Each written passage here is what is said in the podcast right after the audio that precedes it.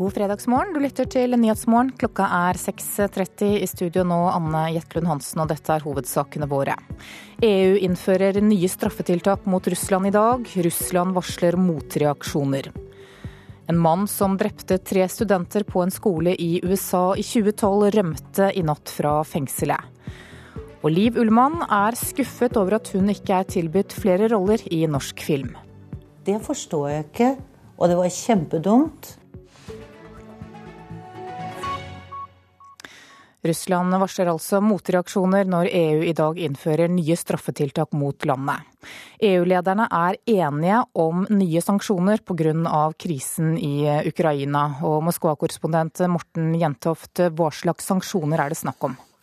Ja, For det første så er det snakk om en liste på 24 personer i Russland, Øst-Ukraina og på Krimhalvøya som blir eh, nektet innreise i, eh, i, til EU og også får um, frøset i eventuelle, eh, froset i eventuelle eh, bankkonto eller eh, verdier som de har i EU-land. Men i tillegg, viktigere kanskje, det er at man eh, også nå eh, retter sanksjonene direkte mot den livsviktige olje- og gassindustrien her i, i Russland. Eh, her er det en rekke selskaper som blir nektet å få lån innenfor EU-området. og dette er tiltak som kommer til å, å, å, svi for Russland, som jo er helt, helt avhengig av inntektene fra, fra energi, eh, energinæringen. Hvordan har russerne reagert så langt? Ja, Man har jo reagert veldig sterkt. Man sier jo her i Russland hvorfor i all verden kommer dere med disse tiltakene nå når vi står midt oppi en, en fredsprosess der våpenhvilen, altså som Russland eh, og Ukraina har stilt seg bak, eh, ser ut til å fungere i, i, i, i Øst-Ukraina. Det russiske utenriksdepartementet var raskt ute i går og sa at disse tiltakene faktisk er med på å underminere den fredsprosessen som man nå er i gang med. Og så er det også meldt om reduksjon av gassleveranser fra Russland til noen europeiske land. Hva kan du si om det?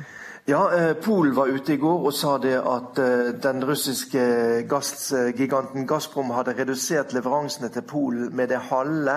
Slovakia eh, rapporterte at der var det 10% nedgang i leveransene, Østerrike 15% Fra russisk side så blir det avvist at dette henger sammen med det som nå skjer. Men av analytikere så blir dette tolket som små signaler om at hvis da dette fortsetter, så kan det også få konsekvenser for for eh, gassleveransene. Men det er klart dette er veldig farlig også for Russland, som da kan fremstå som en, en, en lite pålitelig eh, leverandør av energi til det europeiske markedet. Og det er nok noe som Russland for all del ønsker å unngå. Hvordan er forholdene på bakken i Ukraina nå? Ja, Det ser ut som om da denne skjøre våpenhvilen holder. Ukrainas president eh, Pjotr Porosjenko sa det i går. Han sa også det at eh, Russland har trukket ut eh, de fleste av de styrkene som de har hatt inne i Øst-Ukraina, men det står fremdeles 1000 soldater igjen. Og eh, Årsaken til at EU da ønsker fremdeles å opprettholde dette presset mot Russland, er at man vil ha klare eh, um, garantier, bekreftelse på at Russland nå virkelig respekterer denne våpenhvilen, trekker ut de styrkene de har øst i uh, Ukraina. Man sier jo også fra EUs side at man vil se på de sanksjonene som innføres på nytt i slutten av september, da, i lys av hvordan denne våpenhvileavtalen er opprettholdt. Hva gjør USA nå, da, i lys av det som EU gjør? Ja, USA har jo ligget i forkant her hele tiden og har jo innført strengere og mer omfattende tiltak eh, overfor eh, Russland. Eh, det fortsetter de med nå. President eh, Obama har vært ute og sagt at eh, det skal de også gjøre. Det er nødvendig å opprettholde et press eh, for å hindre da, eller for å stoppe det som man kaller denne aggresjonen, innblandingen i Ukraina fra russisk side. Det rammer bl.a. det russiske bankvesenet, som jo har sterke forbindelser til USA, som nå blir da på samme måte som innenfor EU da nektet å, å ta opp nye, uh, nye lån i, i, USA. Sånn at uh, Dette har jo allerede gitt reaksjoner her i Russland. Verdien på rubel uh, har, har falt kraftig den siste tiden. Takk skal du ha, Morten Jentoft. Australia har hevet terrorfaren mot landet fra medium til høy. Det er første gang på et tiår at dette skjer, sa statsminister Tony Abbott på en pressekonferanse i dag. Årsaken er frykt for at australiere som har kjempet for ekstreme grupper i Midtøsten, skal vende hjem og utføre terror i hjemlandet. Høy terrorfare betyr at det er sannsynlig med et terrorangrep. Det er og har vært flere branner rundt om i landet i natt og i dag. Akkurat nå så brenner det i et boligkompleks i Skien, og folk i bygget og i nabolaget blir evakuert. Andre etasje i bygningen er overtent, og brannvesenet er på vei inn i bygningen. I Brumunddal i Hedmark så er en mann i 40-årene savnet etter en boligbrann. I tillegg er fem husstander i nærheten evakuert pga. eksplosjonsfare etter funn av to flasker med gass. Og i Stavanger så er to personer sendt til legevakt, og tre familier er evakuert etter en brann i et rekkehus. Flere kommuner, store kommuner er så misfornøyde med måten kommunenes organisasjon KS håndterte forhandlingene med lærerne på, at de nå vurderer å gjennomføre tariffoppgjørene selv. Det har aldri skjedd før at en kommune sier opp KS som lønnsforhandler. Kommunikasjonsmessig så syns jeg KS Eh, ikke har eh, gjort en god nok jobb. Ordfører i Stavanger, Kristine Sagen Helgø fra Høyre, mener det er helt naturlig at flere store kommuner nå vurderer å bli et eget tariffområde, etter den langvarige arbeidstidskonflikten med lærerne, skriver Kommunal Rapport. Stavanger kommune er en, eh, en stor kommune. Vi vet at f.eks. Oslo er jo et eget tariffområde. De forhandler jo selv og klarer dette godt.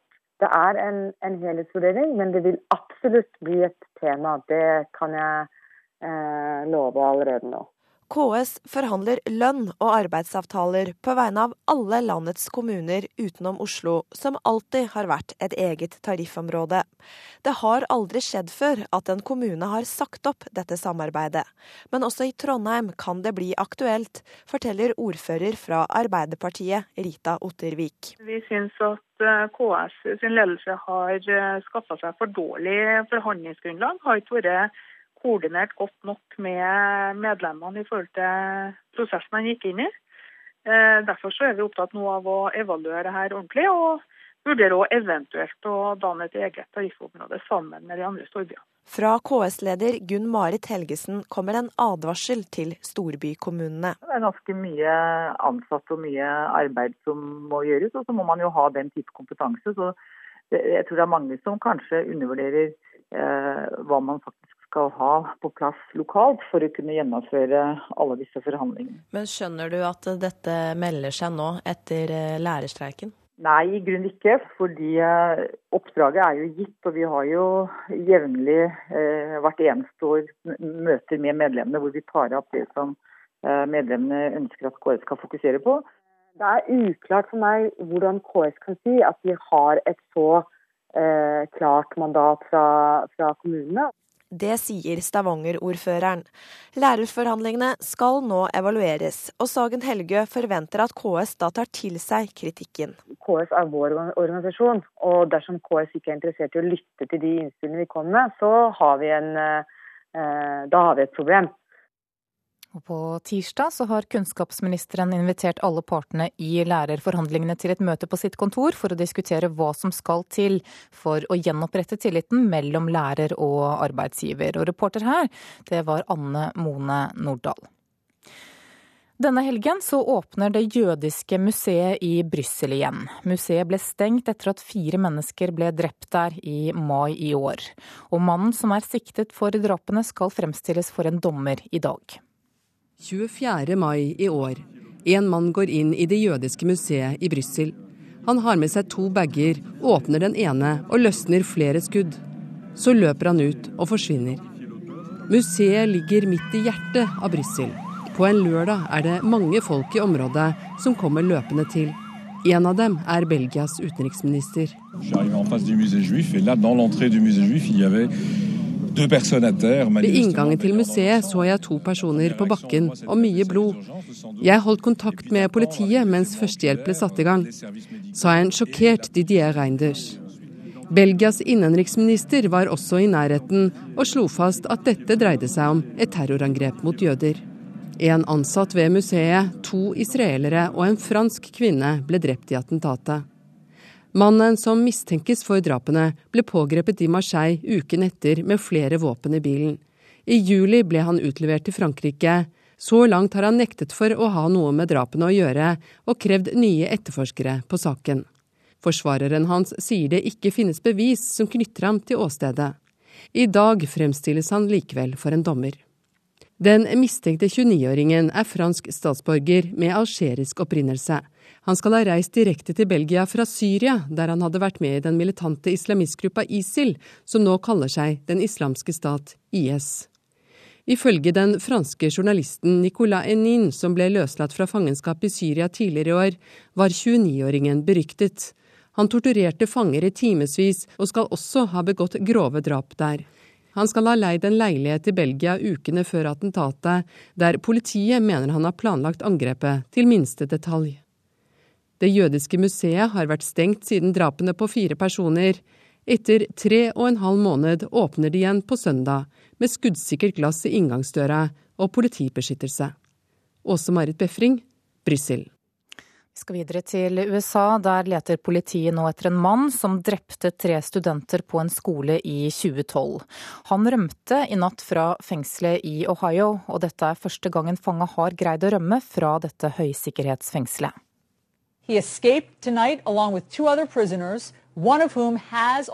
Det er saken som var med i alle de amerikanske nyhetssendingene i natt.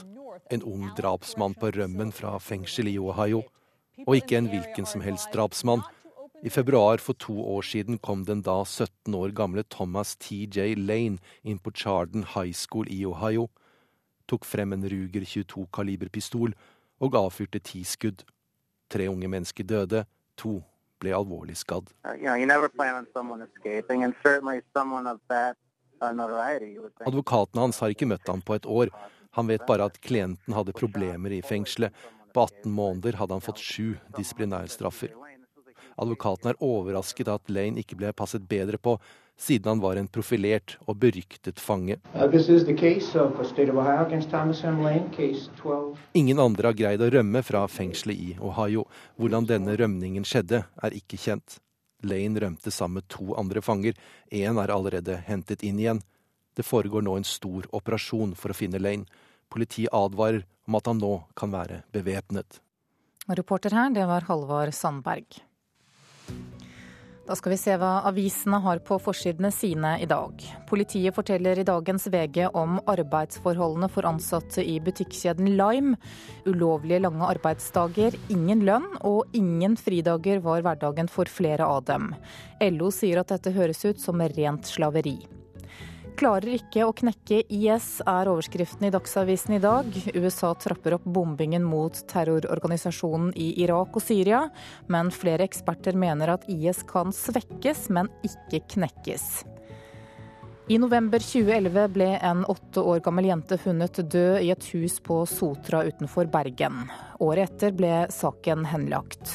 Og Bergens Tidende forteller i dag at en etterforsker i Bergenspolitiet to ganger ba om at saken måtte gjenopptas fordi han mente det kunne være snakk om et drap. Men politisjefene ba ham om å holde seg unna saken, ifølge avisen. Vårt Land forteller at bråket om reservasjonsrett for leger blusser opp igjen. Helseministerens forslag til løsning på konflikten møter kritikk i høringsrunden, og KrF krever nå at Høyre rydder opp. Frp gir ingen asylbrems, det skriver Klassekampen. Fremskrittspartiet varslet at det ville komme 2000 færre asylsøkere hit til landet i året. Men Utlendingsdirektoratet har ingen tro på at det kommer færre nå enn under den rød-grønne regjeringen.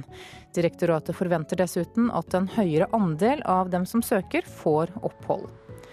Dagens Næringsliv forteller at to av 138 talere var kvinner da oljebransjen var samlet til Pareto-konferansen i Holmenkollen denne uken.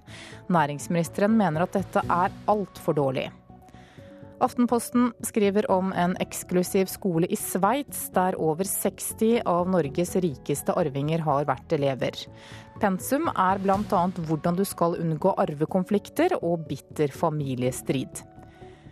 Bremsene på for fjøsbygging er overskriften i Nasjonen i dag. Byggeaktiviteten i landbruket har gått ned med 10% det siste året. Og styreleder Odd Jan Dybing i Redskapsfabrikkenes landslag sier landbrukspolitikken til den blå regjeringen har gjort bøndene usikre. Du kan ha skjult hjerteflimmer, ifølge Dagbladet, som forteller at mye trening kan doble risikoen, og at tidlig diagnose kan redde mange liv. Skal vi ha sport her i Nyhetsmorgen. Golfspiller Susann Pettersen er offensiv før andre dag av Evian Championship i Frankrike. I fjor vant hun turneringen, som er årets siste major-turnering. Og etter gårsdagen så ligger Pettersen på en foreløpig tredjeplass. Det at hun starter senere i ettermiddag vil gi henne en fordel. On the tee now, she's a two-time major winner and the defending champion here Evian from Norway, Suzanne Petersen. Det blir en uh, digg løpetur litt senere oppe i fjellene her. Og så en god middag, og så beina høyt. Så du løper mellom rundene nå? Ja, jeg er i så fin form nå. Så kroppen er på heng. Så da er det bare å utnytte forholdene og stedet vi er på. Så uh, det er deilig det, å få ut litt uh, frustrasjon tidlig, og så gønne på videre. Susann Pettersen sprudlet etter gårsdagens runde i Evian Championship, årets siste major-turnering. I går gikk Tutta på fire slag under par etter å ha spilt tidlig på morgenen. I dag slår 33-åringen ut først på ettermiddagen og kan dra nytte av spill når sola varmer som mest. Men eh, det er eh, morsomt å spille ut på her, selv om det er veldig krevende. Altså, du ville tro at det er veldig lette forhold, men på morgenen så er det litt kaldere, litt råere, så ballen flyr ikke så langt. Så du har kanskje litt lengre på visse hull enn hva du har på ettermiddagen når det er litt lettere luft. Så det er så fordel og ulempe med alt. Men det er en eh, Altså spiller du bra, så kan du gjøre mange bøller her, men eh, du må likevel holde tunga rett i munnen på de fleste utslagene. Gårsdagens avslutning med fem strake birdies på de siste hullene ga Pettersen blod på tann. I fjor vant hun turneringen og fikk trofeet til låns i ett år. Nå kan Tutta titte bort på det gedigne Evian-trofeet, som står godt bevoktet utenfor klubbhuset. Tar du med deg hjem i år òg? Ja, det er derfor jeg kom hit i år, i hvert fall. Så får vi se hva som skjer på søndag. Og reporter i Frankrike, det var Morten Stenberg. Du hører på Nyhetsmorgen nå. Klokka er 6.47, og dette er hovedsakene våre. Russland varsler motreaksjoner når EU i dag innfører nye straffetiltak mot landet. Flere store norske kommuner vurderer å si opp KS som lønnsforhandler etter konflikten med lærerne. Og følg oss videre. Salmeboka minutt for minutt blir virkelighet i Hordaland i helgen. Der skal hele den nye salmeboka synges i ett strekk. Men før det skal vi høre at eh, offentlige sykehus blir mer effektive dersom alle pasientene fritt kan få betalt for behandling hos private i stedet. Det mener iallfall helseminister Bent Høie. Høringsfristen om fritt behandlingsvalg går ut på tirsdag, og leder for Overlegeforeningen ved Haukeland universitetssykehus, Jana Middelfart Hoff, er kritisk. Det er et feil fokus. Jeg syns det er kvalitet vi skal konkurrere på, det er ikke hvem som kan gjøre jobben fortest. Før sommeren la regjeringa fram sitt forslag om å utvide ordninga fritt sykehusvalg til å hete fritt behandlingsvalg. Pasientene skal helt fritt kunne velge privat eller offentlig behandling. Og de offentlige helseforetakene skal bruke enda mer private anbud for å få ned ventetida for pasientene. Økt konkurranse gjennom fritt behandlingsvalg vil stimulere de offentlige sykehusene til å bli bedre og mer effektive, og beholde fornøyde pasienter. Ifølge helseminister Bent Høie er økt bruk av private bare et middel. Det egentlige målet er å gjøre det offentlige helsevesenet bedre. Mange sykehus vil eh, legge seg i selen til å få en bedre organisering og dermed klare å behandle flere pasienter. Hva er utfordringa for offentlige sykehus i dag? Er det at misnøyde pasienter rømmer til privat behandling, eller at de offentlige sykehusene har for lite ressurser til å ta unna køen? Helsepolitisk talsmann i Arbeiderpartiet, Torgeir Micaelsen, mener at fritt behandlingsvalg er feil medisin. Jeg synes ikke mer konkurransetenkning er måten vi bør eh, skaffe endringsvilje, større kapasitet i helsevesenet. Vi må ha mer kompetanse, mer fagfolk, og da må det mer penger til på bordet. Langt mer ressurser. Alle kan selvfølgelig bli bedre. Det er veldig dumt å si at man ikke kan det. Og selvfølgelig finnes det flaskehalser, men vi ligger i toppen i Europa når det gjelder kortest liggetid. Og jeg er ikke sikker på om det er så mye mer å hente der. Forslaget fra regjeringa gjentar mange ganger at konkurranse om pasientene vil effektivisere de offentlige sykehusene. Men notatet viser ikke om, hvordan eller hvorfor det blir effekten. Det er potensial her som ikke utnytter. Sist Høyre satt i regjering, gikk både ventetiden og ventelistene betydelig ned når vi økte bruken og kjøpene hos eh, private. Det skyldtes både den kapasiteten som kom hos private, men òg økt aktivitet i de offentlige det sa helseminister Bent Høie til reporter Leif Rune Løland. Flere politidistrikter i Norge bryter loven når innsatte overvåkes med kamera. Og nå ønsker Politidirektoratet en regelendring som gjør at denne typen overvåkning blir lovlig. Sivilombudsmann Åge Thor Falkanger er svært kritisk til at politiet i dag ikke følger regelverket. Nei, Det sier seg selv at en praksis som er i strid med regelverket, kan ikke opprettholdes, eh, og er uheldig. Både Oslo politidistrikt og Øst-Finnmark politidistrikt har fått kritikk for å ha brutt regelverket om kameraovervåkning av innsatte i arresten systematisk. Slik overvåkning er bare tillatt når det er foretatt konkret helhetsvurdering av den innsattes helsesituasjon. Nylig fikk Øst-Finnmark politidistrikt kritikk av Arresttilsynet. Slik forklarer politiinspektør Laila Søndrål hvorfor de brukte videoovervåkning. Årsaken til at det har skjedd, er nok det at man ønsker å ivareta den innsattes sikkerhet. Men nå kan denne praksisen bli lovlig. Politidirektoratet vil om kort tid foreslå nye regler som tillater kameraovervåkning. I en e-post til NRK skriver seksjonssjef Kristine Langkås at økt overvåkning kan ha medført til at dødstallene i politiarrester er vesentlig redusert de siste årene. Sivilombudsmann Åge Thor Falkanger mener politiet likevel må forholde seg til dagens regelverk, som ikke tillater automatisk kameraovervåkning. Jeg har stor forståelse for eh, de utfordringene som politiet står overfor ikke minst i bestrebelse på å ivareta da, de innsattes helse og sikkerhet. Og eh, det er eh, godt mulig at eh, kameraovervåkning er et effektivt middel for å oppnå dette. Men da det må være i tråd med regelverket, og da må eventuelt regelverket forandres. Og reporter her, det var Eilif Aslaksen. Liv Ullmann er skuffet over at hun ikke er blitt tilbudt flere roller i norsk film. Mellom 1969 og 2008 så var Norges mest kjente skuespiller, med ett unntak, helt uten filmjobber i Norge. Har du ikke fyrt opp? Trodde du ble med igjen. Tull. Slik hørtes Liv Ullmann ut i norsk film. På 60-tallet. Du, når du skal være vitne? Er det straffbart å stikke av? Med unntak av én liten rolle i 'Drømspill' i 1994 fikk ikke Liv Ullmann én eneste rolle i norske filmer gjennom 70-tallet, 80-tallet, 90-tallet, ja helt frem til 2008. Det er bortimot 40 år. Det syns jeg var dumt av dem. Dette er noe Liv Ullmann sjelden har delt med offentligheten. Det at gjennom hele hennes hovedperiode som skuespiller ble hun neglisjert i Norge i alle disse årene, inntil to nylig hvor jeg har gjort eh, små roller, ikke et filmtilbud som aktris. Det forstår jeg ikke, og det var kjempedumt. Dumt, sier Ullmann, og hun ønsker egentlig ikke å snakke om det. Norges mest meritterte aktive filmkritiker Per Haddal bruker mye sterkere ord. Jeg synes jo det er skandaløst, rett og slett. Haddal, som begynte som filmkritiker på 60-tallet, fikk se at Liv Ullmann fikk Norges største internasjonale skuespillerkarriere. Hun spilte for regissører som Ingmar Bergman og Richard Attenborough, ble nominert to ganger til Oscar og spilte i godt over 50 filmer. I dag har hun, som regissør, norgespremiere på filmen 'Frøken Julie', med stjerne Jessica Chastain, Colin Farrell og Samantha Morton i rollene.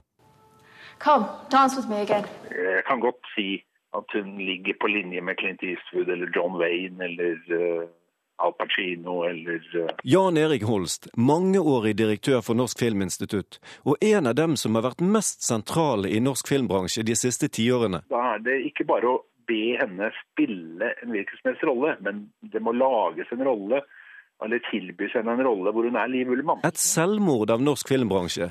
Slik beskriver Haddal det. Det er et slags lett suicidalt fremferd. at man ikke, ikke, tar vare på å videreutvikle det man virkelig har som, som er ubestridelig godt. Og nå er det slutt, for Liv Ullmann forteller til NRK at hun ikke kommer til å spille lenger. Det, det har jo ikke plaget meg. Det må jo det, du har jo fortalt ja. meg at du liker å bli likt. Ja, det gjør ingenting, sier jeg da. Og det, det er klart at det gjorde noen ting. Og reporter var Mikael Olsen Lerøen. I Alvesund kirke i Lindås i Hordaland blir det salmemaraton i helgen. I 48 timer så skal hele den nye salmeboken synges i ett strekk. Ei salme som har fått plass i den nye salmeboka, gir en liten forsmak på hva som skjer i Alversund kirke denne helga. Oddleif Mjøs, som er kantor og organist i Alversund, har nemlig tatt initiativ til et salmemaraton. Nå skal vi spille gjennom og synge gjennom hele salmeboka fra 1 til 899. Her er 899 salmer å presentere. Dette her er å sammenligne med skattkista, og den må åpnes og brukes. Og sånn er denne salmeboken full av all slags tradisjoner. Nye og gamle folkemusikk og gospels og praise og folketoner. Alt mulig. Det er helt fantastisk flott rikdom i denne boka. Også en tango. Har det regna på det? At det skal gå 48 timer? Det går ikke an å spille gjennom hele, fant vi ut, for da er vi utslitne før vi begynner. Men vi har liksom tenkt at hvis vi er veldig effektive, så kan vi få i underkant av 19 salmer per time. Men det kan jo fort sprikke. Da helt med på utover formiddagen. Det er ikke gudstjeneste her på søndag på formiddag. Hvordan kom du på denne her ideen? Vi er ikke helt sikre om det er Knarvik-Mide, eller om det er NRK som har sett oss på ideen. I hvert fall så er det en av mange ideer som kommer i forbindelse med en ny salvebok som kommer ut. At finn på noe, markedsfør og skap noe. Fins det liksom sanger du ikke har sunget før der? Ja, det er noen vi rett og slett må skjerpe oss litt på, altså, som er helt nye for oss. og Det er kjempeutfordrende det er kjempekjekt. Og det er en veldig stor eh, sjangerbredde og variasjon i salmeboka nå, som vi gleder oss over. da. Gud er Gud om alle land lå høde. Gud er Gud om alle mann var døde. Hvor veit du kommer og er med? Oi, oi, oi. Jeg er glad hvis det kommer 20 mennesker, men det kan jo fort komme 200. Er det lov å komme innom bare en liten del òg, eller? Det er det som er så kult, at du kan komme innom her akkurat når du kjører forbi, eller når du er våken om natta, så kan du ta deg en tur bort til Alversund kirke. For her går det nonstop hele døgnet fra fredag morgen til søndag morgen. Det helt fantastisk. En fin mulighet. Du kan være helt anonym. Du kan synge, du kan bare være her og tenne et lys. Forsvinne, men opp skal rinne som solen skinne, Guds rike. Og 28.11 så skal NRK sende salmeboka minutt for minutt. Reporter her, det var Kari Nygaard Tvilde skal vi se på et værvarsel som gjelder til midnatt. I Langfjellet er det ventet eh, skiftende bris, og fra i ettermiddag enkelte regnbyger og noe sol. Fjellet i Sør-Norge unntatt Langfjella, enkelte regnbyger, lokal morgentåke fra sent i ettermiddag, stort sett pent vær. Østlandet spredt regn, utover dagen lettere skydekke og lokal morgentåke.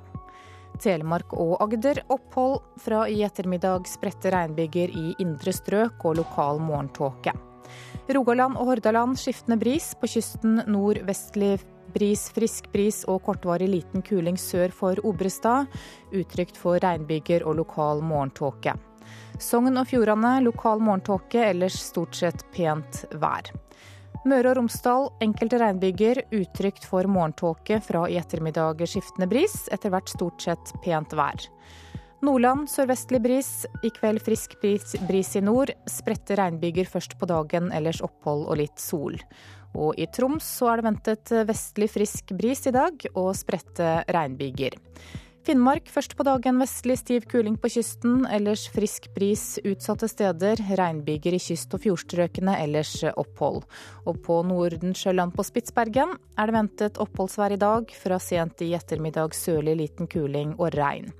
Så tar vi med noen temperaturer som ble målt klokka fem. Da hadde Svalbard lufthavn tre grader, Kirkenes åtte, Alta ni. Tromsø 8, Bodø 11, Brønnøysund 10, Trondheim 12, Molde og Bergen 13, Stavanger 12, Kristiansand 9, Gardermoen 11, Lillehammer 13, Røros 7 og Oslo 12 grader. Du hører en podkast fra NRK P2. Russland vil hevne seg tilbake på Europa når EU innfører nye straffetiltak i dag. Og det lønner seg å ligne på sjefen dersom du vil ha ny jobb. Her er NRK Dagsnytt klokken sju. Russland varsler motreaksjoner når EU i dag innfører nye straffetiltak mot landet. EU-lederne er enige om nye straffetiltak pga. krisen i Ukraina.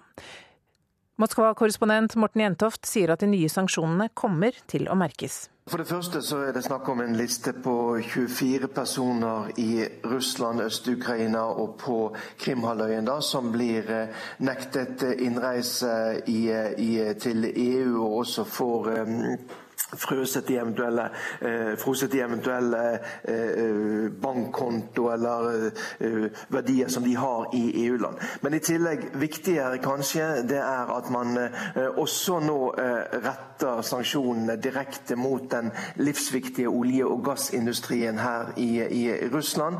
Eh, her er det en rekke selskaper som blir nektet da å få lån da innenfor EU-området. og dette er tiltak som kommer kommer til å, å, å, svi for Russland, som jo er helt, helt avhengig av inntektene fra, fra energi, eh, energinæringen. Og Norge kan tjene gode penger hvis Russland sender mindre gass til Europa. Det mener oljeanalytikere. Det har vært flere branner i natt og i morgentimene. Brannen i tre leiligheter i Skien er nå under kontroll, og brannvesenet etterslukker. En person måtte hoppe ut fra andre etasje og er sendt til sykehus med mindre skader. I Brumunddal i Hedmark er en mann i 40-årene savnet etter en boligbrann. I tillegg er fem husstander i nærheten evakuert pga. Ekspl eksplosjonsfare etter funn av to flasker med gass. Og i Stavanger sjekkes to personer for røykskader, og tre familier er evakuert etter en brann i et rekkehus. Norske sjefer vil aller helst ha ansatte som ligner på dem selv. Jobbintervjuet handler ikke nødvendigvis om den som er faglig sterkest, det viser en ny rapport fra forskningsstiftelsen Fafo. Det viktigste er at sjefen liker deg og at dere deler humor og fritidsinteresser, sier forskningsleder Jon Rogstad. Det er stort innslag av skjønn. Det er stort, stort innslag av hvordan arbeidsgiverne akkurat opplever den konkrete situasjonen og den kandidaten. Og man har nok litt en tendens til å tilpasse det man ser etter, ut fra hvordan søkeren de liker ekstra godt, framtrer. Det er mange som da ikke får muligheten fordi de, de rett og slett ikke passer inn. Og dette vil jo særlig kunne ramme etniske minoriteter. Det sa Jon Rogstad i forskningsstiftelsen Fafo.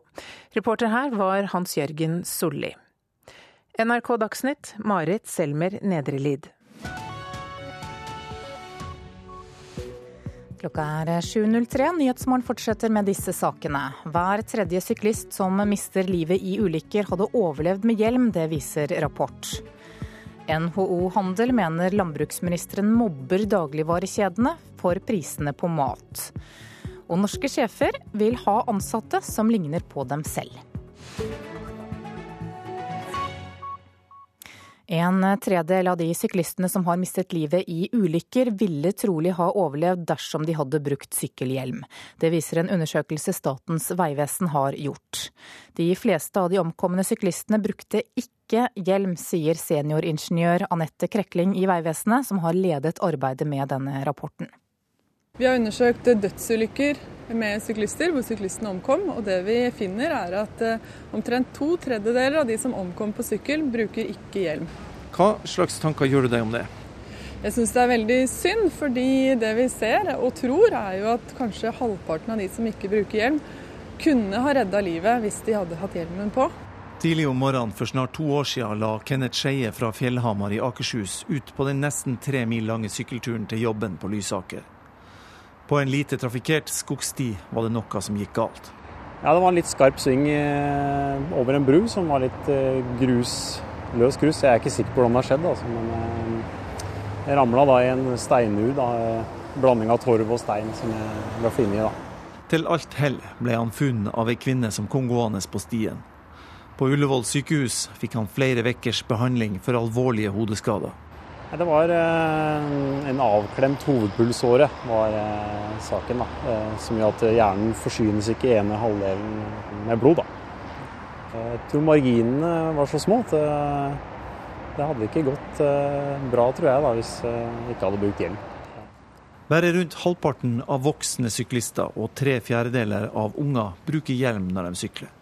Ofte er det i ulykker der ingen andre enn syklisten sjøl er involvert, at hjelmen kan skjelle mellom liv og død, sier Anette Krekling. Altså, typisk ulykke er en ulykke hvor man velter eller man forsvinner over styret på sykkelen. Et sånt slag mot hodet kan være dødelig i seg selv, eller man kan bli slått bevisstløs og bli liggende f.eks. med ufrie luftveier. I en ulykke var det en liten gutt som var ute og sykla. Eh, han stupte over sykkelen og døde av de hodeskadene han pådro seg i fallet. Og Det skal ikke mer til, og kanskje kunne han redda livet hvis han hadde hatt hjelm. Anneline Trae sykler til og fra skolen hun går på i Drammen. 20 minutter til og 45 minutter hjem, uten hjelm.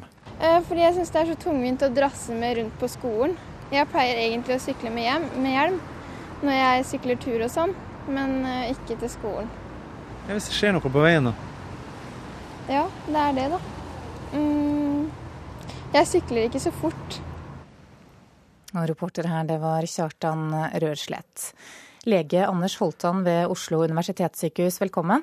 Takk skal du ha. Du har lang erfaring i å behandle hardt skadde, og har også vært med og analysert mange av ulykkene der syklister er involvert.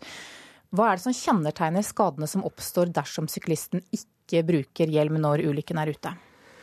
Ja, hvis man har et uh, uhell på sykkel, så kan man jo skade hele kroppen og brekke armer og ben. Men uh, det som jo ofte kjennetegner sykkelulykkene, er at man til slutt går i bakken. Og at man da også har stor sannsynlighet for å slå hodet i bakken. Og Hvis man da ikke har på seg hjelm, så er det stor sjanse for at eh, hodet, eller mer konkret hjerneskaden, blir større enn eh, holdt på å si nødvendig. Og Det som kjennetegner de som er mest alvorlig skadd, kritisk skadd eller dør eh, i sykkelulykker, det er at det oftest er hjerneskaden som er hovedproblemet. Ja, Men hjelmen hjelper likevel ikke mot alle typer skader, som du sier? Nei, det hjelper ikke mot eh, alt, og det er begrenset hva den kan redde deg fra. Ehm, det fins eh, internasjonale standarder som de fleste som lager hjelmer, følger.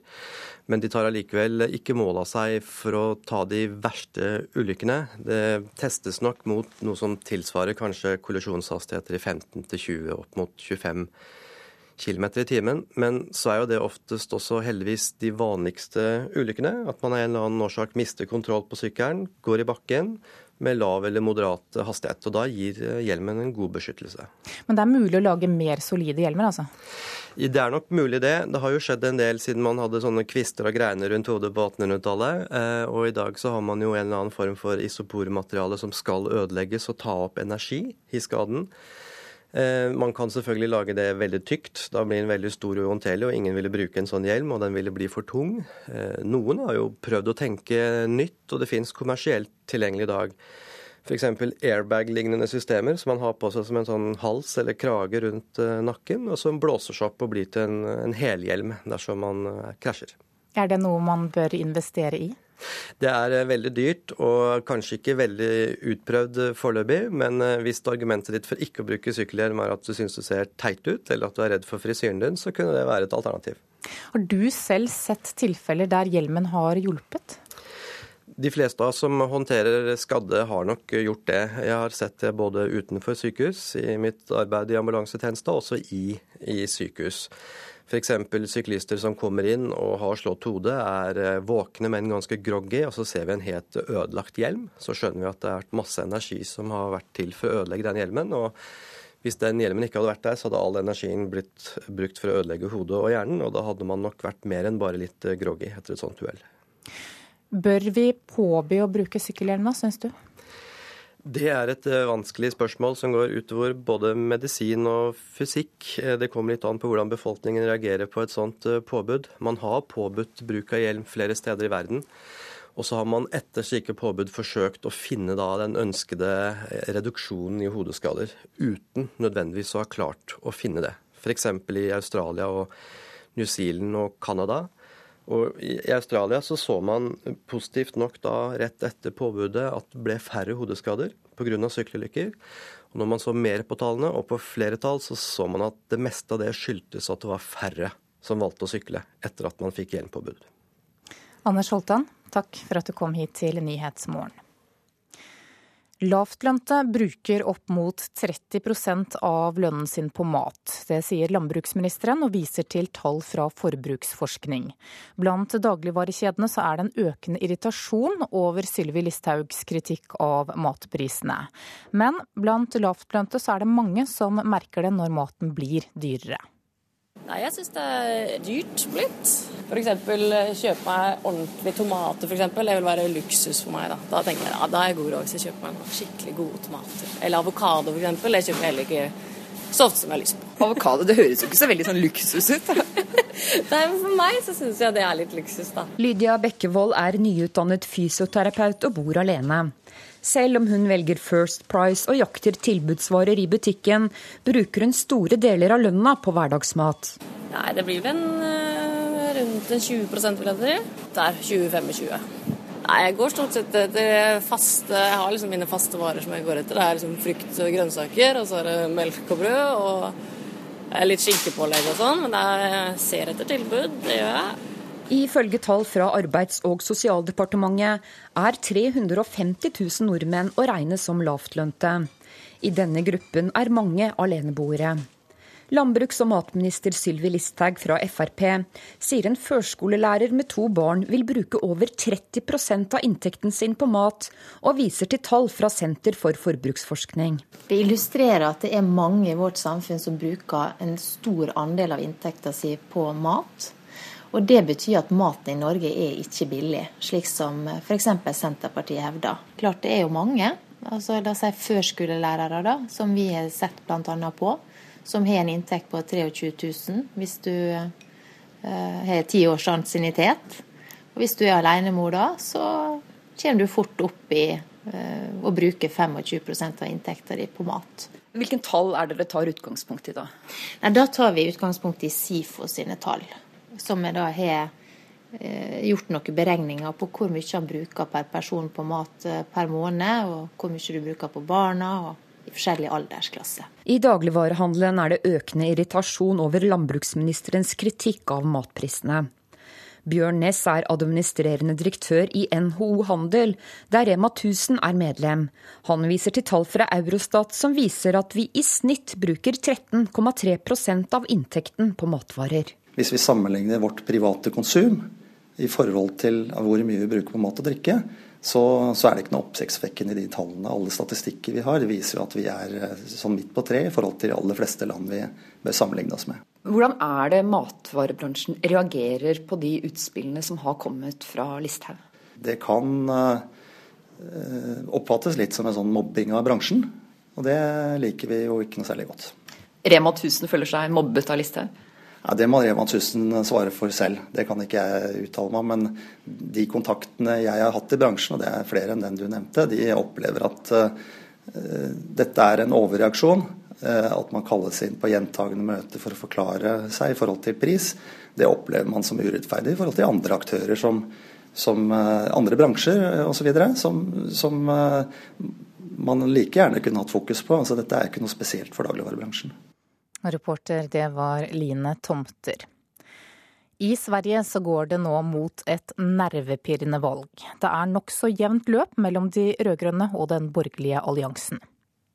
Eh, de har jo ulike lister. Dette er jo Stockholms kommunes riksdagsliste. Okay. Så det finnes ulike listor. Även, alltså, även riksdagslistorna skiljer seg åt. Jeg trodde bare det var kommunalvalslistorna som skilde. Nei, nei. Folk står i lange køer for å forhåndsstemme i det store glasshuset som er Kulturhuset i Stockholm sentrum. Ann Sofie Ross er lærer. Ja, Hvordan kjennes det? Jo, det er bra. Nå har jeg bestemt meg. Eller det hadde jeg gjort innan også. Jeg kom på at det er like bra å røste på en gang. Så kan man sitte i lugn og ro hjemme på søndag titte på TV og se hvordan det går. Én av tre velgere har ikke bestemt seg ennå, og innspurten blir tøff. Hva blir det? Miljøpartiet. Hvorfor det? For at eh, jeg syns det er hemskt at det ikke er flere som er interessert av miljøet. Jeg begynner bli veldig urolig hva gjelder miljøet. Og ja Jeg gjør her for å liksom, gjøre min lille del. Kan dras åt uh, kostymfärgen kanskje? Den er blå? Ja. Hvorfor røster du Moderaterna?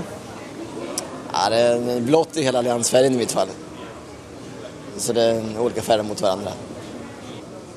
Jeg syns det har fungert rett så bra som det har gjort. På hvilket sett? Om du sammenligner med eh, resten av Europas økonomiske utvikling. De borgerlige partiene tar kraftig innpå og har stor troverdighet i økonomien. Men statsminister Fredrik Reinfeldt har allerede satt europarekord i å lede en koalisjonsregjering. Hans Moderaterna, Senterpartiet, Folkepartiet og Kristdemokraterne. Jeg tror følelsen er at det er vi som høyer farten og på vei i kapp. Og mot oss står dessuten ikke et gemensamt eh, alternativ. Om vi enda har et høyere fortroende, så, så, er det bra. Og det er en bra signal, for folk vil ha en forandring. Stefan Löfvens sosialdemokrater ser ut til å hale i land seieren. Hvilken regjering det enn blir, så blir det en veldig svak regjering. Og det blir noen, noen partier som får være vågmestere, og det er ikke bra. Så, det var klart. Det var klart. Ja. Mm, takk. Hei da. Da ble det Venstrepartiet? Nei, det ble det ikke, men det ble på den siden. Eh, nei, nei, så langt til venstre er jeg ikke. Litt mer. Jeg kan si at jeg valgte mellom Miljøpartiet og Sosialdemokraterna. Øyvind Nyborg, Stockholm. Klokka er 7.16 nå, du hører på Nyhetsmorgen og dette er hovedsakene våre. Hver tredje syklist som mister livet i ulykker hadde overlevd med hjelm. Russland varsler motreaksjoner når EU i dag innfører nye straffetiltak mot eh, landet. Og følg oss videre, skal du få høre at det er nye tider. Norske hageeiere dyrker ikke lenger bare de tradisjonelle solbær- og stikkelsbærbuskene.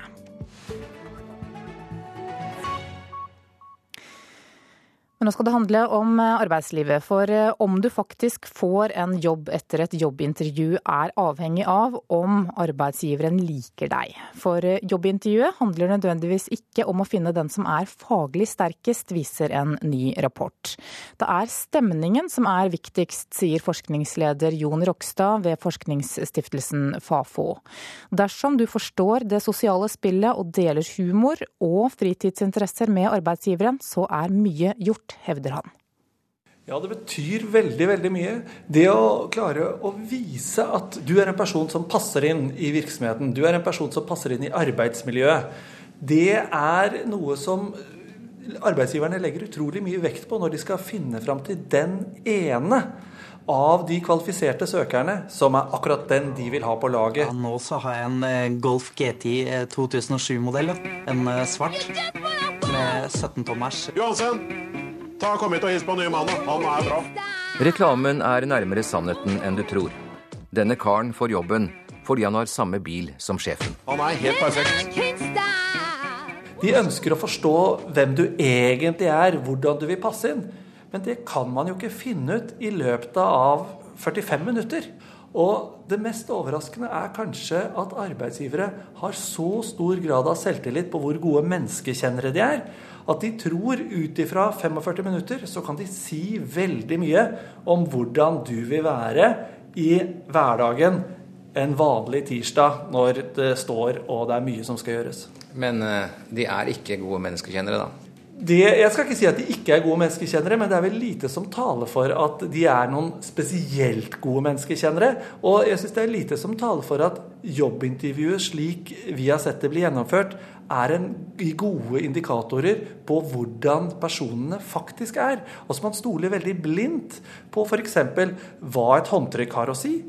Det å ha litt humor, det er jo å ha deres humor. Det, man kan jo ikke si at humor er noe universelt. Sammen med kollega Erika Brånen Sterri har Rokstad vært flue på veggen i 67 jobbintervjuer. De har fått penger fra Nav for å finne ut hva som skjer når noen får en jobb. Mange arbeidsgivere klarte rett og slett ikke å spørre om ting de lurte på. I stedet brukte de skjønn i jakten på den rette, dvs. Si i jakten på en som lignet mest på dem selv.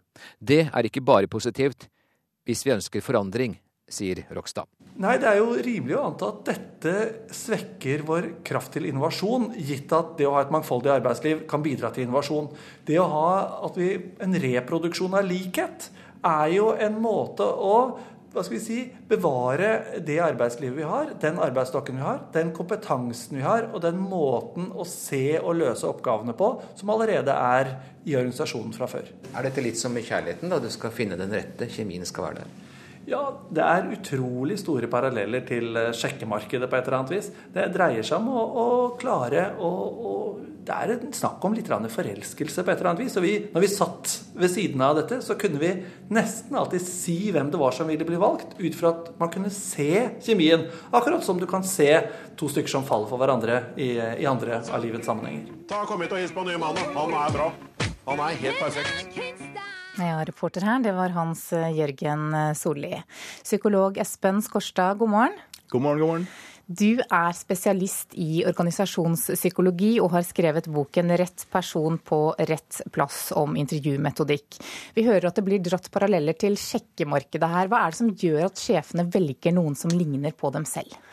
Det her syns jeg var veldig spennende å høre, og det er gledelig at det også har kommet eh, norsk forskning på området. Eh, jeg har ikke lest rapporten, fordi den publiseres jo først i dag, men sånn som det formidles av Rokstad her, så er det i og for seg kjent stoff, og resultater som man også kan forvente seg fra en seriøs forskningsinstitusjon som Fafo. Og Det betyr altså i korthet at eh, når det gjelder intervjuet, så er ikke det en spesielt god utvelgelsesmetode. Det er jo interessant, og det er i og for seg også paradoksalt i og for seg at i de fleste norske virksomheter, enten det er offentlig eller privat sektor, så råder det altså en tanke om at intervjuet er den metoden vi bruker når vi skal ansette noen. Og jeg tror det at mange sjefer de vet ikke hvor lite velegnet denne her metodikken egentlig er. De har ikke kunnskap om at det finnes alternativer, så intervjuet blir det eneste de lander på. Og Det som Rokstad også er inne på her, som er et uh, viktig funn, som man ser da åpenbart både her, men også andre steder, er at mange har en veldig sterk tiltro til egen evne som menneskekjenner. De tror at de kan vurdere hvem som er best egnet i løpet av veldig kort tid. Og Det betyr at det sitter en hel del personer rundt omkring som gjennomfører ustrukturerte intervjuer uten tilstrekkelig kunnskap eller opplæring noe som kan føre til at det blir et dårlig beslutningsgrunnlag når man ansetter. Men mange av de som har personalansvar vet vel litt om mennesketyper og hva slags arbeidstaker som vil passe inn i deres arbeidsmiljø? Det gjør de sikkert, men litt av problemet her er at mange har en tilbøyelighet til å falle litt ned på magefølelsen, eller det vi også liker å kalle for intuisjon. Og nettopp det med magefølelse og intuisjon syns jeg er veldig spennende. Fordi vi alle liker å tenke at vi er litt bedre enn andre til å kjenne andre mennesker. Altså Vi har en sterk tilbøyelighet til å stole på vår egen magefølelse. Og er det noe vi vet fra psykologien, er det at magefølelsen og intuisjonen ofte kan spille oss et puss. Og Hvis vi ser på intervjuet spesielt, så vet vi at det vil påvirkes av mange faktorer, og mange faktorer som ikke nødvendigvis handler om hvorvidt personen vil gjøre en god jobb eller ikke. Det her resulterer i masse subjektive vurderinger, og som det også blir nevnt i reportasjen her, bl.a. så har vi en tendens til å foretrekke kandidater som ligner på oss selv. Det kan være ut fra personlighet, verdigrunnlag, etnisitet, alder, kjønn osv. Og Det betyr rett og slett at mannen i mørk dress foretrekker kandidater, altså mannlige kandidater i mørk dress, kvinne i lilla skjerf, liker kvinne i lilla skjerf. Og det her er jo selvfølgelig problematisk, for det er ikke nødvendigvis den vi liker best, som vil gjøre det beste jobben. Og det vil også i verste fall kunne resultere i diskriminering. Ok, Hva bør jeg gjøre da, dersom jeg skal på jobbintervju til en jobb som jeg virkelig har lyst på for å vise at jeg passer inn? Og det er et vanskelig spørsmål. Jeg tenker vel at man bør prøve å være seg sjøl som best man kan. Og så kan man kanskje gå inn på nettet og se på hvilke spørsmål det er vanlig å få. Altså man, det er jo noen spørsmål som går igjen, type dette med nevn tre sterke, tre svake sider osv. Så videre, sånn at man stiller best mulig forberedt. Ellers så tror jeg man bør være seg selv i mest mulig grad. Så man skal ikke prøve å passe inn? Vel, jeg tror vel de fleste prøver å passe inn i mer eller mindre grad, så ja, det er litt vanskelig å si. Psykolog Espen Skorstad, takk for at du kom til Nyhetsmorgen. Da skal vi se hva avisene har på forsidene sine i dag. Politiet forteller i dagens VG om arbeidsforholdene for ansatte i butikkjeden Lime. Ulovlige lange arbeidsdager, ingen lønn og ingen fridager var hverdagen for flere av dem. LO sier at dette høres ut som rent slaveri. Klarer ikke å knekke IS, er overskriften i Dagsavisen i dag. USA trapper opp bombingen mot terrororganisasjonen i Irak og Syria, men flere eksperter mener at IS kan svekkes, men ikke knekkes. I november 2011 ble en åtte år gammel jente funnet død i et hus på Sotra utenfor Bergen. Året etter ble saken henlagt, og Bergens Tidende forteller i dag at en etterforsker i Bergenspolitiet ba to ganger om at saken måtte gjenopptas, fordi han mente det kunne være snakk om et drap. Men politisjefene ba ham om å holde seg unna saken, ifølge avisen. Vårt Land forteller at bråket om reservasjonsrett for leger blusser opp igjen. Helseministerens forslag til løsning på konflikten møter kritikk i høringsrunden, og KrF krever nå at Høyre rydder opp. Frp gir ingen asylbrems, skriver Klassekampen. Fremskrittspartiet varslet at det ville komme 2000 færre asylsøkere hit til landet i året. Men Utlendingsdirektoratet har ingen tro på at det kommer færre nå enn under den rød-grønne regjeringen. Direktoratet forventer dessuten at en høyere andel av dem som søker, får opphold. Dagens Næringsliv forteller at to av 138 talere var kvinner da oljebransjen var samlet til Pareto-konferansen i Holmenkollen denne uken. Næringsministeren mener dette er altfor dårlig. Aftenposten skriver om en eksklusiv skole i Sveits, der over 60 av Norges rikeste arvinger har vært elever. Pensum er bl.a. hvordan du skal unngå arvekonflikter og bitter familiestrid. Bremsene på for fjøsbygging, det er overskriften i Nasjonen. Byggeaktiviteten i landbruket har gått ned med 10% det siste året. Og styreleder Odd Jan Dybing i Redskapsfabrikkenes landslag sier landbrukspolitikken til den blå regjeringen har gjort bøndene usikre. Du kan ha skjult hjerteflimmer, ifølge Dagbladet, som forteller at mye trening kan doble risikoen, og at tidlig diagnose kan redde mange liv.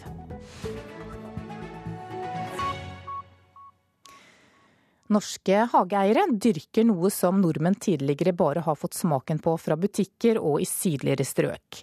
Gartner Kristoffer Kjellevold på Bogrønt Sten gård litt utenfor Drammen har opplevd en ny tendens. Jeg smakte på det i går, men de har blitt ganske sure nå. De var overmodne. Kan jeg smake den? Ja, De var gode for noen uker siden. Men nå er de eh, som veldig dårlig vin. De er grusomme. Men de har vært gode, da. Det er bare vi som ikke høsta de tidlig nok. Før var det vanlig i mange norske hager med stikkelsbær, rips og solbær. Nå er trenden derimot en litt annen. Druer har blitt mer populært de siste åra fordi det har kommet en del nye hardføre sorter eh, som overlever enklere her i landet, og som egentlig gir ganske grei bæreevne. Det som er viktig med det, er at de står veldig solfylt. Mange har dem også i veksthus. Men så lenge de har en god solvegg, så greier de seg ganske greit. De kan også ofte overvintre i potte. Det er mange kunder som har kjøpt druer til hagen sin. Og Derfor er det kun én drueplante igjen. Den står i et lite drivhus og ble brukt til utstilling. Her er det også et uh, oliventre, og så har vi også en passiflora, som er en blomst som også er blitt litt sånn trendy i og med at den minner litt om Syden og blir veldig stor klatreplante. Nå er det jo flere som velger litt mer eksotiske planter enn tidligere. Hva er andre typer eh, er det de velger? Det går veldig mye på sånne typisk sommerblomster som er litt fra type Hellas og rundt der, som bougainvilla og Men det er veldig mange som også kjøper litt sånn som type appelsin, fiken, fersken. Det selger vi ikke så mye av, men det har vært ganske populært med sitron i år. Det er jo ikke sånn at du ofte får så veldig gode sitroner, men det er jo uansett litt morsomt. Hvorfor tror du at folk prøver seg mer i de eksotiske vekstene? Det er fordi man er mye ute og reiser og prøver å få litt sånn sydenfeeling hjemme når det først er sommer her. Det er jo også blitt veldig populært med kjøkkenhage, og istedenfor bare å ha tomater og krydder og sånne vanlige ting, så spriter det opp litt da hvis du har et appelsintre stående der. Frukt og bær og det vi kan dyrke sjøl, det har blitt eh, mer trendy. Det sier gartner i Plantasjen, Hilde Poppe. Men eh, vi selger også mer av eksotiske ting. Eh, druer selvfølgelig, det er det jo flere som har. Dem, der kan du også få tak i noen sorter som tåler litt mer kulde. Hvis du bor helt sør, så kan du også få til fersken. Hva tror du er noe av grunnen til at folk foretrekker mer spiselige hager? Eh, for det første så er det jo veldig morsomt å få det til, og det er ikke så vanskelig som mange kanskje har trodd. Og, og det at du kan ha det i krukke i tillegg. Og det er jo veldig moro for både barn og voksne å kunne høste telledyrka ting inn og ha det i maten. Og reporter det var Tove Bø. Du lytter til Nyhetsmorgen. Klokka nærmer seg 7.30 og Dagsnytt. I reportasjen etter det så skal du få høre at frykten for flere bortføringer brer seg i Jerusalem etter at tre israelske ungdommer ble bortført og drept, og en palestinsk tenåring bortført og torturert til døde i sommer. I Politisk kvarter så skal det handle om valget i Sverige i helgen. I går var det nemlig partilederdebatt. Produsent for Nyhetsmorgen i dag, det er Eli Bjelland, og her i studio, Anne Jetlund Hansen.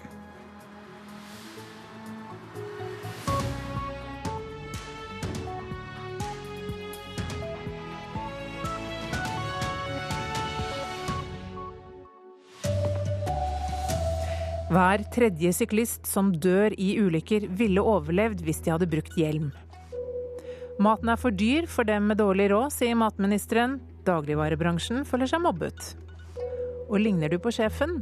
Det lønner seg nemlig dersom du vil ha ny jobb. Her er NRK Dagsnytt, klokken er 7.30. En tredel av syklistene som mister livet i ulykker, ville trolig ha overlevd dersom de hadde brukt sykkelhjelm. Det viser en granskning Statens vegvesen har gjort. De fleste av dem som omkom brukte ikke hjelm, sier senioringeniør Anette Krekling i Vegvesenet, som har ledet arbeidet med rapporten. Jeg syns det er veldig synd, fordi det vi ser og tror er jo at kanskje halvparten av de som ikke bruker hjelm, kunne ha redda livet hvis de hadde hatt hjelmen på. 71 syklister mista livet i ulykker her i landet fra 2005 til 2012. Det viser gjennomgangen Vegvesenet har gjort. Vi tror at uh, opp mot 25 av de 71 syklistene som har omkommet, kunne overlevd hvis de hadde brukt hjelm. Tidlig om morgenen for snart to år siden hadde Kenneth Skeie fra Fjellhamar lagt ut på den nesten tre mil lange sykkelturen til jobben på Lysaker. På en lite trafikkert skogsti gikk noe galt. Det var en litt skarp sving eh, over en bru som var litt eh, grus, løs grus. Jeg er ikke sikker på hvordan det har skjedd, altså, men jeg ramla da i en steinur, da, blanding av torv og stein som jeg ble funnet i. Heldigvis ble han funnet av ei kvinne som kom gående på stien. Han kom til sykehus og fikk over flere uker behandling for alvorlige hodeskader. Jeg tror marginene var så små at det, det hadde ikke gått eh, bra, tror jeg, da, hvis jeg ikke hadde brukt hjelm. Det er ofte i ulykker der bare syklisten er involvert at hjelmen kan skjelle mellom liv og død, sier Anette Krekling. I en ulykke så var det en liten gutt som var ute og sykla. Eh, han stupte over sykkelen og døde av de hodeskadene han pådro seg i fallet. Og det skal ikke mer til, og kanskje kunne han redda livet hvis han hadde hatt hjelm. Og undersøkelsen viser også at halvparten av de voksne bruker sykkelhjelm, mens tre av fire barn bruker hjelm. Reporter her, Kjartan Røslett. Lavtlønte bruker opp mot 30% av lønnen på mat, sier landbruksministeren, og viser til tall fra forbruksforskning. Dagligvarekjedene på sin side mener tallet er lite relevant, og at matministeren mobber dem. Men blant eh, lavtlønte er det mange som merker at maten er blitt dyrere. Nei, jeg syns det er dyrt blitt. F.eks. Eh, kjøpe meg ordentlige tomater, f.eks. Det vil være luksus for meg. Da Da tenker jeg ja, da er jeg god råd hvis jeg kjøper meg noen skikkelig gode tomater. Eller avokado, f.eks. Det kjøper jeg heller ikke så ofte som jeg har lyst på. Lydia Bekkevold er nyutdannet fysioterapeut og bor alene. Selv om hun velger First Price og jakter tilbudsvarer i butikken, bruker hun store deler av lønna på hverdagsmat. Nei, det blir vel en, uh, rundt en 20 vil jeg si. Der 20-25. Ifølge tall fra Arbeids- og sosialdepartementet er 350 000 nordmenn å regne som lavtlønte. I denne gruppen er mange aleneboere. Landbruks- og matminister Sylvi Listhaug fra Frp sier en førskolelærer med to barn vil bruke over 30% av inntekten sin på mat, og viser til tall fra Senter for forbruksforskning. Det illustrerer at det er mange i vårt samfunn som bruker en stor andel av inntekten sin på mat. Og det betyr at maten i Norge er ikke billig.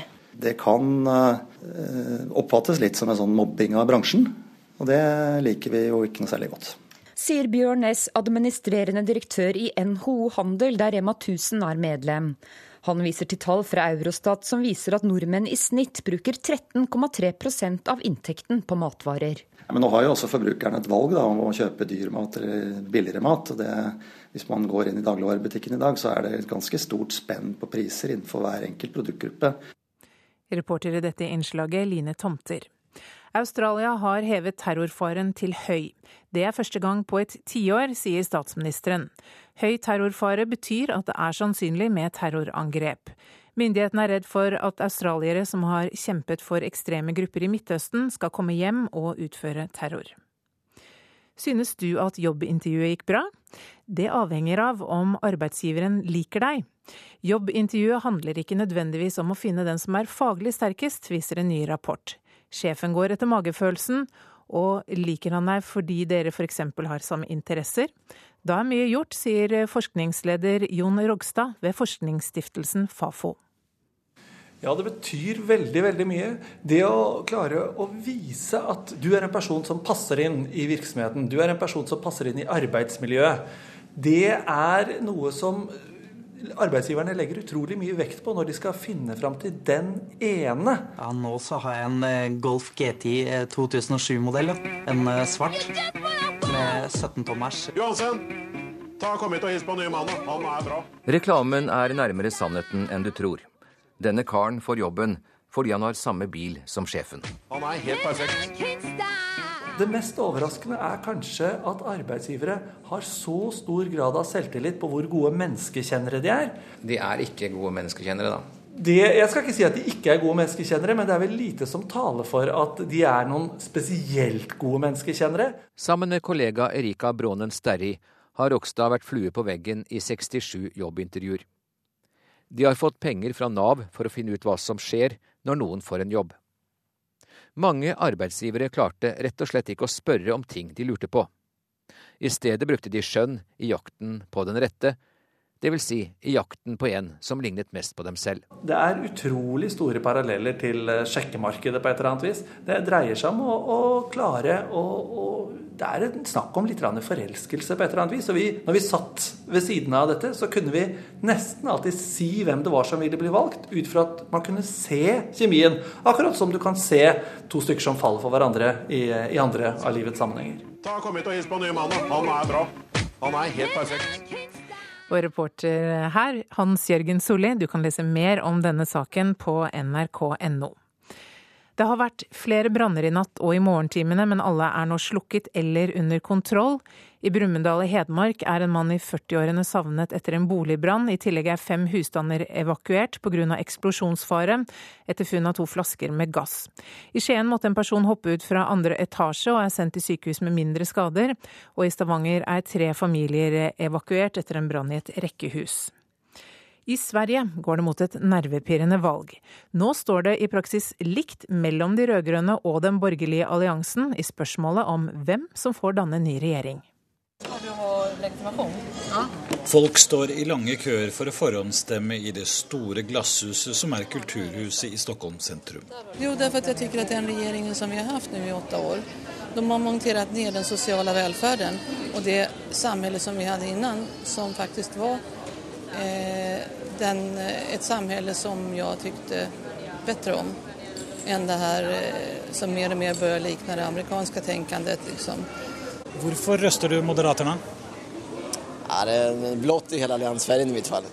Jeg syns det har fungert rett så bra som det har gjort. På hvilket sett? Om du sammenligner med eh, resten av Europas økonomiske utvikling. De borgerlige partiene tar kraftig innpå og har stor troverdighet i økonomien. Men statsminister Fredrik Reinfeldt har allerede satt europarekord i å lede en koalisjonsregjering. Hans Moderaterna, Senterpartiet, Folkepartiet og Kristdemokraterna. Jeg tror følelsen er at det er vi som høyer farten og på vei i kapp. Og mot oss står dessuten ikke et gemensamt eh, alternativ. Om vi enda har et høyere fortroende, så, så, er det bra. Og det er en bra signal, for at folk vil ha en forandring. Stefan Löfvens sosialdemokrater ser ut til å hale i land seieren. Spenningen består i hvem han vil danne regjering med. Én av tre velgere har ikke bestemt seg ennå. Øyvind Nyborg, Stockholm. Og det blir mer om det svenske valget i Politisk kvarter, kvart på åtte på P2 og på NRK1. Åge Skinstad føler seg sikker på at Petter Northug vil signere repres representasjonsavtalen denne måneden. I boken 'Northug en familiehistorie' så får Skiforbundet kraftig kritikk av skistjernen. Men langrennssjefen tror ikke det blir noe problem å samarbeide videre. Jeg ble overrasket over eh, noen av tinga, men eh, etter å ha prata med Petter, så syns jeg det er veldig greit å, å, gå videre med gode samtaler. Representasjonsavtalen det snakkes om er helt avgjørende for at Northug skal kunne gå for det norske landslaget, og samtidig få sjansen til å kunne representere Norge under ski-VM i Falun. Det at den kraftige kritikken av forbundet nå blusset opp igjen, bryr ikke sjefen seg om. Jeg har hele tida følt at vi har et, eh, en god samtale rundt representasjonsavtale, så jeg hadde ikke tenkt å blande noe bokprosjekt inn i det uansett. Det sa Åge Skinstad og reporter i dette innslaget Andreas Toft. Ansvarlig for eh, denne Dagsnytt-sendingen, Bjørn Christian Jacobsen. Teknisk ansvarlig var Hanne Lunås, og i studio Marit Selmer Nedrelid.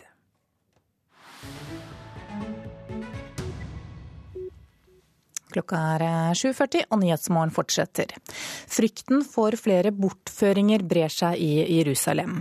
Det skjer etter at tre israelske ungdommer ble bortført og drept, og en palestinsk tenåring kidnappet og torturert til døde i sommer. Mødre er redde for å la barna gå til skolen, og barna selv er redde, forteller en ung mor fra en opprørt by. Nok en begravelse i arabisk Øst-Jerusalem. Palestinske Mohammed Sinkorot ble bare 16 år. Et stort følge bærer hans grønne kiste gjennom opprørte gater. Da 16-åringen demonstrerte mot israelsk politi for to uker siden, ble han skadet. Denne uken døde han, og nytt raseri brøt ut i arabisk Jerusalem. Politiet fyrte av nye runder med gummikuler og tåregass mot begravelsesfølget. Noe som gjorde allerede frustrerte palestinere enda sintere.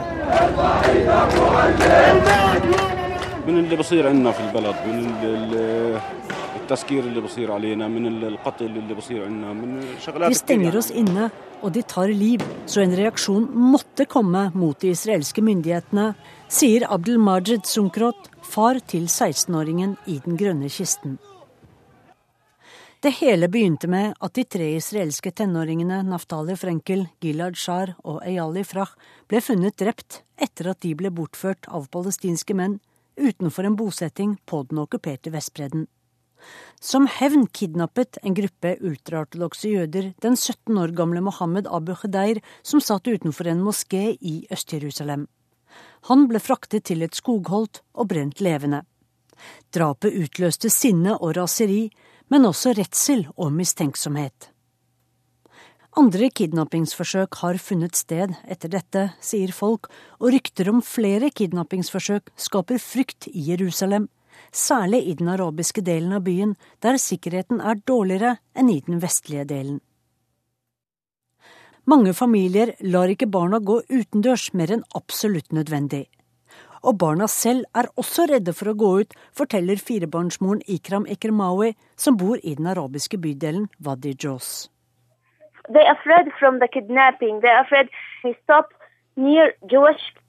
De er redde for å bli kidnappet. De er redde når de ser israelere i biler og forsøker å gjemme seg, sier Ekremawi til NRK.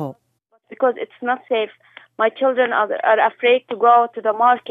Det er utrygt ute, og guttene mine på ni og seks år er redde bare for å gå til butikken rett rundt hjørnet. Og de er redde for å gå til skolen, så nå må jeg betale taxi, sier hun på telefon fra Jerusalem. I mange år har israelske jøder og palestinske arabere levd sammen i Jerusalem, i en kjølig, men fungerende sameksistens. Noen ganger koker det over her og der, men etter at selvmordsbombene tok slutt for ti år siden, har den hellige byen falt til en slags anspent ro. Uh, uh, At jøder og arabere lever sammen, har alltid gjort denne byen til et problematisk område, sier Michael Strumfmann. Uh, Noen ganger er vi gode venner, men når det er krig, er vi ikke så gode venner, sier israeleren til Associated Press. Uh, Firebarnsmoren Ikram, hvis familie har bodd i Jerusalem i mange generasjoner, har gitt opp troen på sameksistens etter denne sommeren. Uh, now, now. Jeg tror faktisk ikke vi kan leve sammen i fremtiden, sier hun på telefon fra Jerusalem. And, uh, og reporter i dette innslaget var Sissel Wold. Klokka er 7.44 nå. Du lytter til Nyhetsmorgen, og dette er hovedsakene våre. Hver tredje syklist som mister livet i ulykker, hadde overlevd med hjelm, det viser rapport. De fleste av de omkomne syklistene brukte ikke hjelm. Russland varsler motreaksjoner når EU i dag innfører nye straffetiltak mot landet. Og norske sjefer vil ha ansatte som ligner på dem selv. Jobbintervjuet handler nødvendigvis ikke om å finne den som er fag faglig sterkest, viser en ny rapport. Klokka nærmer seg 7.45, og du skal få Politisk kvarter ved programleder Bjørn Myklebust.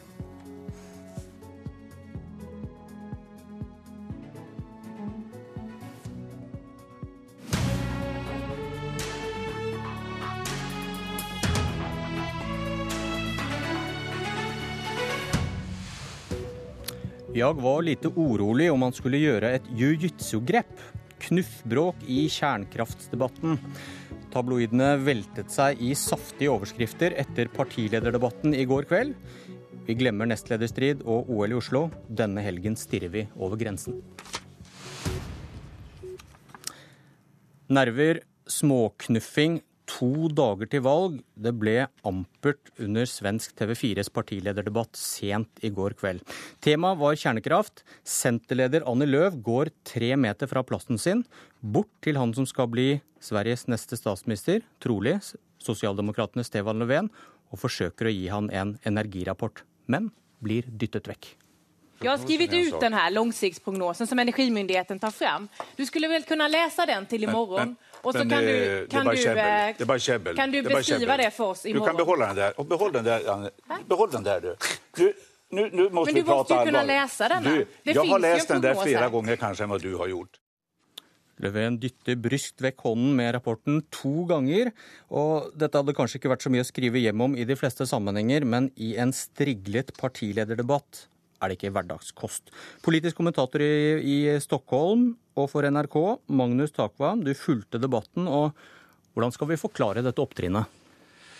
Vel, debatten i går kveld og, og dette opptrinnet viser jo at eh, temperaturen øker nå mot slutten. De kjemper som løver, disse partilederne, for å mobilisere de siste dagene. Og det er jo et eh, kjent triks også i norsk sammenheng å bruke litt visuelle og fysiske virkemidler, ikke bare verbale virkemidler i den typen debatter. Og det er klart at når Senterpartilederen valgte striden om energipolitikken, så er dette fordi det splitter den rød-grønne alliansen som ligger an til å vinne valget. Nå mener nok de fleste at Löfven kanskje burde tatt imot dette papiret og unngått eh, opptrinnet som da blir en slags snakkis her i dag. Jan Arild Snoen, skribent i Minerva. Du, så vidt jeg skjønner, så så du også denne debatten i går. og Var det en Stefan Löfven i ubalanse, dette her? Jeg vil ikke si det, men det, det er nok, hadde nok vært klokt å ta imot og late som ingenting. Ja. Og Det er også fordi at én ting er at det er sprik på, på hans side i spørsmålet om kjernekraft, men det er også sånn at han vil gjerne ha muligheten til å fri til disse partiene på, småpartiene på den andre siden. Og egentlig bør gå inn for å ha et godt forhold til dem. For det, han får antageligvis ikke noe flertall, og da bør han ha litt bedre altså, styringsmuligheter hvis han er, holder seg inne med bl.a. Senterpartiet. Derfor så var det ikke noe særlig lurt. Men hva betyr disse store TV-debattene nå helt i avslutningen på denne valgkampen, hvor alliansen, den borgerlige alliansen da har krøpet seg litt innpå? Ja, vi ser jo at TV-debatter både i Norge og Sverige har en viss effekt i innspurten. Det er mange velgere som ikke har bestemt seg ennå, og det har jo nå blitt eh, tettere enn det var. Det er fremdeles et, eh, et visst forsprang å ta igjen, men, men det er sånne ting som kan flytte en prosent eller to, og det er viktig nå. Takvam, er, er dette de borgerliges siste håp på en måte, å vise fram rød-grønt kaos, som de prøvde på med dette, dette trikset i går? Ja, Det er nok eh, det momentet som eh, har bl.a.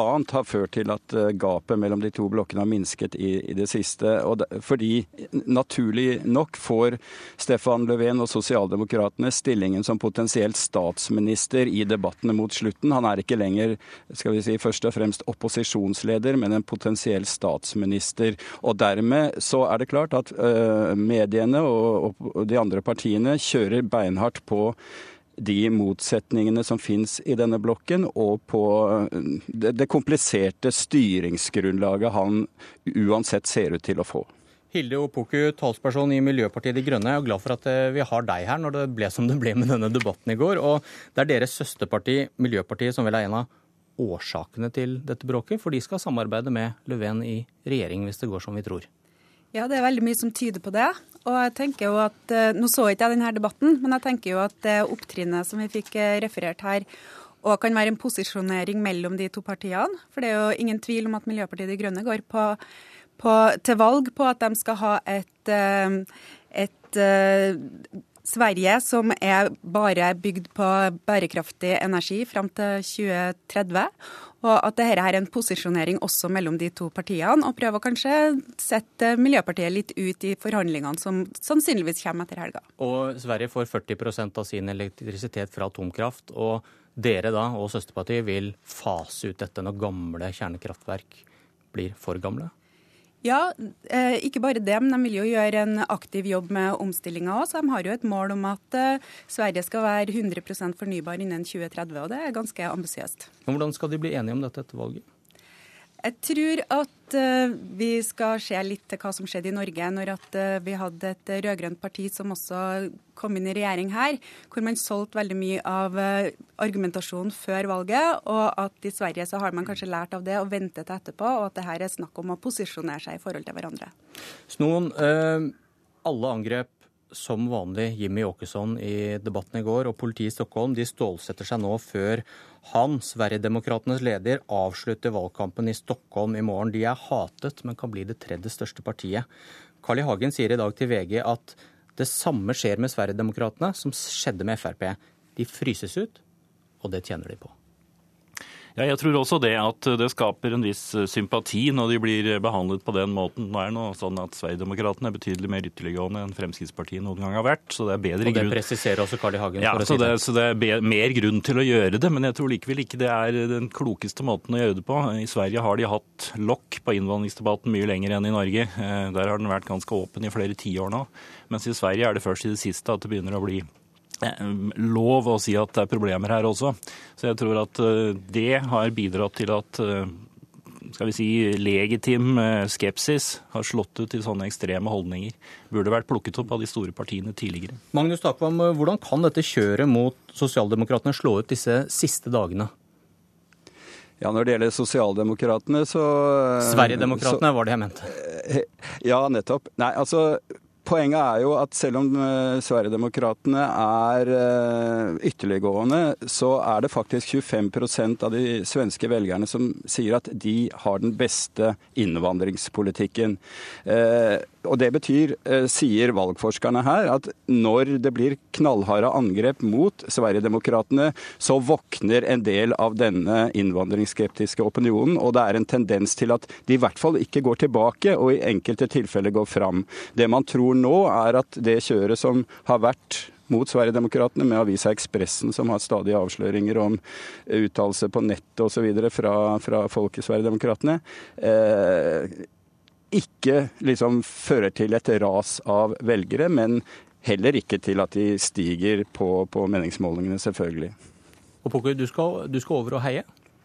Ja, klart det. Dette er kjempespennende for oss. Eh, hvis vi får et grønt parti i regjering i Sverige også, så har vi det både i Finland og Sverige. Hvorfor er de foran dere i løypa? I Norge så har vi jo hatt eh, tydelige miljøalternativ på begge sidene av den rød-blå aksen. Eh, som har tatt litt eh, miljødebatten hjem her. Så eh, nå når at de begge har prøvd seg i regjering, så har det vist seg at det er et rom i norsk politikk hvor vi kan komme og vokse frem, og hvor vi faktisk har vært med og satt standarden til at vi har tatt opp tema som tidligere ikke har vært diskutert i Norge. Ser du paralleller mellom den kjernekraftdebatten og oljedebatten her hjemme?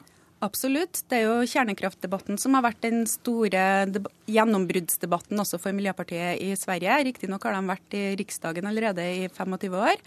Men det er jo vi som er det første partiet som også stiller spørsmålstegn om hva skal vi leve av etter oljen, og som er villige til å bygge en politikk som eh, trapper ned oljenæringa i Norge, og som ser på hvordan vi kan bygge opp et eh, norsk velferdssamfunn uten oljeavhengigheten. Men så er det kanskje vanskelig å tro på at dere i Sverige og i Norge skal klare å gjøre noe som helst hvis de store partiene er enige om noe annet. SV gikk nesten til grunne på å prøve. Vi ser at det er en endring i norsk politisk debatt. Vi har hatt én mann på tinget i ett år nå. Og vi har endra den politiske debatten, selv om vi enda ikke har fått med oss noe flertall til å votere på de sakene vi tar opp, så ser vi at Men ender det med noe annet enn symbolseire hvis Høyre, Arbeiderpartiet og Frp er enige om at eh, vi skal pumpe olje og gass akkurat som før? Det som vi ser hjem her, er jo at store andre viktige aktører eh, viser at det vi snakker om, faktisk eh, har noe for seg, og er viktig at vi begynner å forberede oss på samfunnet etter oljepolitikken. Og når næringslivet og fondsinvesteringene og de andre store, viktige aktørene i forhold til næringslivsutvikling sier at dette her er ting som de ser som realistisk, så er jeg helt sikker på at det også ti, over tid er med å forandre politikken til Høyre og Arbeiderpartiet i hvert fall. Men da er det de og ikke dere som påvirker dette? Det er Jonas Gahr Støre som ombestemmer Hvis ikke vi var der, så hadde det jo ikke skjedd en endring. Og vi tror jo at eh, med den legitimiteten det gir at et eh, stort miljøparti vokser frem i Sverige, så vil vi også få en større oppslutning, fordi at vi viser at vi har eh, samspill mellom hva vi sier og hva vi er villige til å gjøre. Takvam, hvordan vil du jamføre Miljøpartiet Sverige mm. og Norge? Eh, har de samme mulighet til makt? Eh, det norske miljøpartiet er jo, eh, i hvert fall på rikspolitisk plan, mye eh, yngre og ferskere. Og forskjellen er vel også at konteksten da det svenske miljøpartiet vokste fram, var etter en folkeavstemning om kjernekraften rundt 1980 i Sverige, der det var en veldig stor skuffelse over de andre partienes håndtering av det. Så det var en kontekst som gjorde at det ble skapt et rom for, for det svenske miljøpartiet Arbeiderpartiet, som dere er inne på. Og de har jo da også selvfølgelig etter hvert breddet ut politikken på andre områder, og de har også i løpet av de siste årene helt klart eh, skal vi si, alliert seg med venstresiden i, i svensk politikk. Slik at både valget av side, det å bredde ut politikken til andre områder, er jo ting som gjenstår for det norske miljøpartiet. Så noen hører Miljøpartiet De Grønne sammen med Arbeiderpartiet her hjemme også? De sier de er blokkuavhengige? Det behøver ikke å være sånn, men vi ser jo at uh, både på Stortinget og også der de er representert uh, lokalt, så stemmer de stort sett sammen med venstresiden. Men, men de grønne partiene behøver ikke å være der. Uh, vi ser jo også at i, i, Tyskland så har de lagt seg stort sett, stort sett på den sida, men det er ikke selvsagt. Og noen steder lokalt så kan de samarbeide med, med borgerlige partier. Så venstresida bør ikke ta dem for gitt. Det gir et visst altså, manøvreringsrom. På den annen side så kan det manøvrering kan framstå som vingling, da. Og kort, kort i det. Eh, ligger det an til, når det nå er en borgerlig regjering i Norge, at det blir Arbeiderpartiet dere vil prøve å finne sammen med? Vi holder fast på det vi sier om at det er der vi får mest gjennomslag for politikken vår, at vi vil søke samarbeid. Og det kan gå begge veiene. Eh, vi har helt klart en næringspolitikk som kanskje ligger tettere opp mot eh, høyresida. Så har vi også det som vi ikke har klart å få vist frem så godt enda her i Norge, men som svenskene har kommet lenger på, en betydelig omfordelingspolitikk som vi mener må ligge til grunn for at vi skal ha et eh, fornybarsamfunn som krever annen bruk av ressurser enn det vi har i dag. Og Der kan jo hende at det er venstresida som har mer til felles med oss. Snoen, hva kan Erna Solberg lære av det som skjer i Sverige? Jeg mener hun kan lære at du blir ikke gjenvalgt flere ganger i hvert fall, hvis du ikke tilbyr noe nytt hver gang. Eh, jeg tror alliansen kommer til å tape nå. Det er fordi de er, de er ferdig med politikken sin. De har ikke særlig mye mer å tilby. De skal bare fortsette det de har gjort.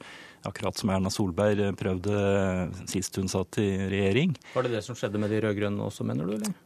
Ja, det tror jeg. Altså, det er vanskelig å bli gjenvalgt to ganger, altså sitte tre perioder. Eh, det er vanskelig å bli gjenvalgt i det hele tatt nå, fordi velgerne blir litt, litt lei. og de har... Eh, så du må først levere, og så må du ha noe nytt for neste periode. Det hadde Reinfeldt i 2010. Han hadde levert eh, solid på bl.a. skattelettelse, og så hadde han fremdeles noe han skulle gjøre. Og da ble han gjenvalgt. Nå er det lite igjen, han er ferdig. Og da er han også ferdig politisk, tror jeg. Takvam, kan Støre lære noe av Löfven, som ikke går til valg på et avklart regjeringsalternativ? Altså Jeg tror Støre også neste gang eh, kommer til å gå til valg uten å ha et regjeringsalternativ, så i den forstand kan han kanskje lære noe. Men jeg tror nok en rød-grønn seier i Sverige, som, som, jeg er enig i er det mest sannsynlige, har en bismak for sosialdemokratene. De ligger an til å få eh, et historisk sett, i hvert fall, dårlig valgresultat på pluss-minus 30% I store byer som Göteborg og, og Stockholm er miljø Arbeiderpartiet nesten like store. Så de har en veldig jobb å gjøre med, med sitt eget parti. Og gårsdagens debatt kan tyde på at vi bør se på morgendagens debatt også. Dette var Politisk kvarter. Jeg heter Bjørn Myklebust.